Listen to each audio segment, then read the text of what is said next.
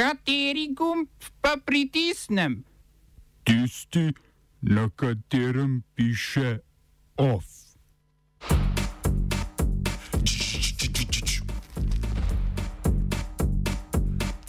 Jordanski kralj prepovedal objavo informacij o domnevnem poskusu državnega udara.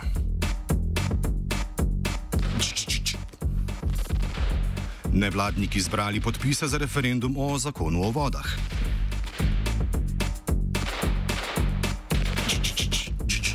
Ustavno sodišče razveljavilo člen o akreditaciji visokošolskih zavodov.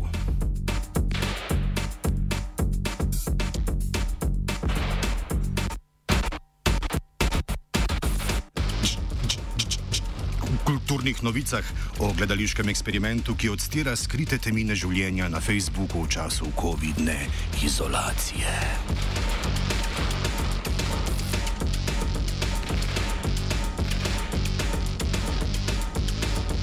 zagramo na suho.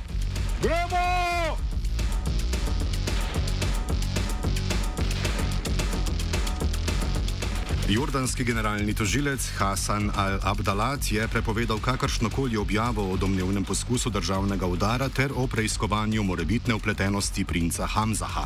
Prepoved velja tako za vse medije in družbena omrežja.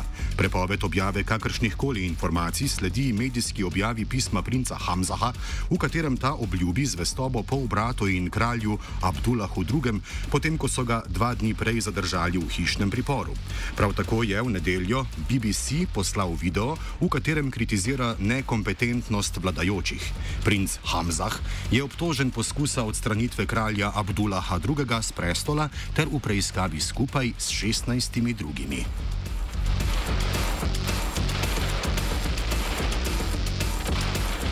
Mednarodni denarni sklad bo tretjič v dveh letih odplačal del dolga 14 državam, ki so močno prizadete zaradi pandemije. Mednarodni denarni sklad bo iz zbranih donacij bogatejših držav plačal 202 milijona evrov za dolgove, ki bodo zapadli med aprilom in oktobrom. Denar bodo med drugim dobile Burkina Faso, Haiti, Afganistan, Nepal, Jemen in Madagaskar. Odločitev je bila razglašena na letnem srečanju Mednarodnega denarnega sklada in Svetovne banke. Tam je predsednik Svetovne banke David Malpas tudi pozval članice skupine G20, da ohranijo zamrznitev odplačevanja bilateralnega dolga. S tem bi revnejše države dolg v višini 5 milijard evrov začele odplačevati leta 2022.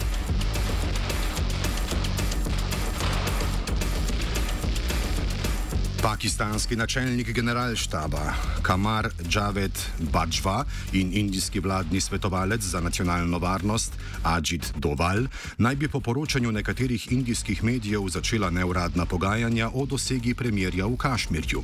Razmere v tej regiji so se zaostrile v zadnjih dveh letih, potem ko je Indija ukinila kašmirsko avtonomijo in povečala prisotnost svojih varnostnih sil.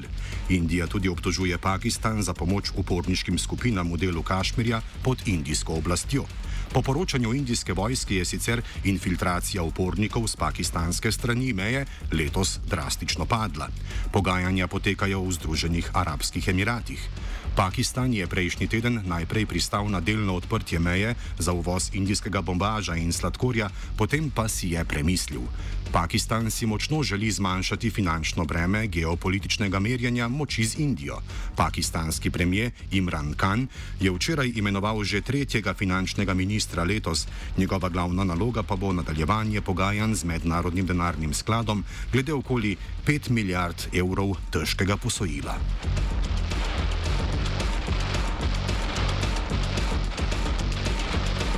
Premijer Črne Gore Zdravko Krivokapič je sprožil postopek odstavitve ministra za pravosodje Vladimirja Leposaviča zaradi njegovega zanikanja srebreniškega genocida.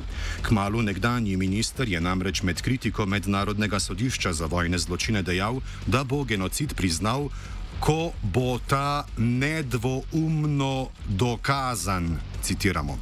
Minister kljub pozivu premijeja Krivo Kapiča izjave ni preklical. Pred veleposlaništvom Črne Gore v Beogradu so zaradi poteze črnogorskega premijeja potekali manjši protesti, na katerih so neznanci vrgli več dimnih bomb, zaradi česar je bila ulica Kneza Mihajlova za nekaj časa zavita v gost rdeč dim.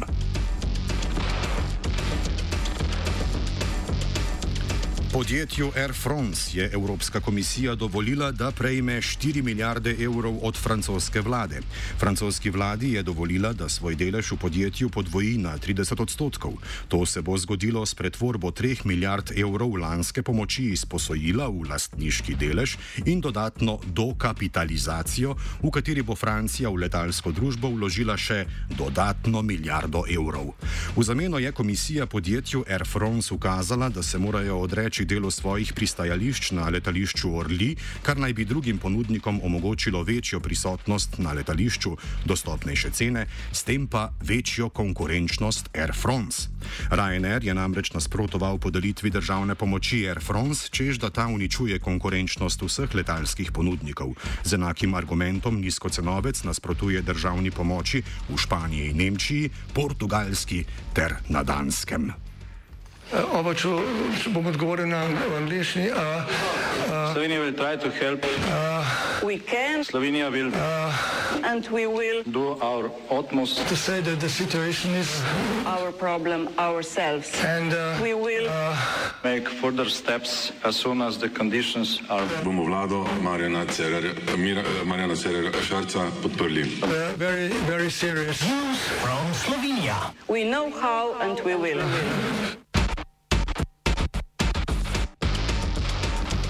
Nevladne organizacije, zbrane pod geslom Pitne vode ne damo, so vložile dobrih 9200 podpisov za sprožitev postopka o referendumu o zakonu o vodah. Noveli očitajo pomankanje podpore strokovne javnosti ter postavljanje gospodarskega interesa pred zdravje ljudi.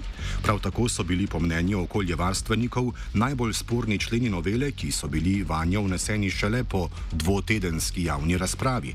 Nevladniki pozivajo tudi državni svet, ki danes razpravlja o noveli, da naj zakon zavrne z vetom. 33 tisoč podpisov pa je za referendum o noveli o vodah predalo tudi gibanje Zdrava družba.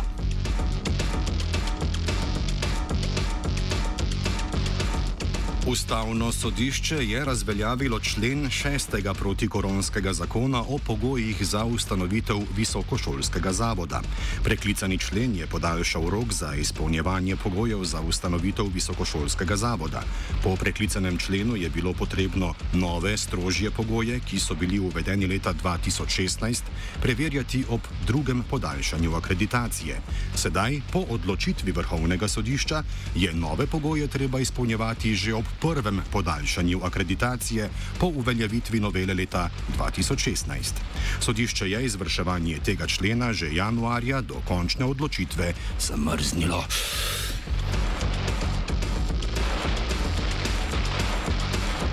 Nekdanji rektor Mariborske univerze Daniel Rebol je presojo ustavnosti tega člena sprožil, saj je verjel, da člen nima mesta med ukrepi za omilitev posledic pandemije. Zato je ukrep neustavno ustavljen v protikoronski paket, kar ga ščiti pred možnostjo referenduma. Ustavno sodišče je presodilo, da ta člen ne sodi med nujne ukrepe za odpravo posledic naravne nesreče, ter zato ne spada v protikoronski paket in mora biti izuzet iz sklepa o nedopustnosti referenduma referenduma. Takšni nedopustnosti referenduma, kot tudi samemu členu, so nasprotovali Levica, SD, LMŠ in SAP. Pika.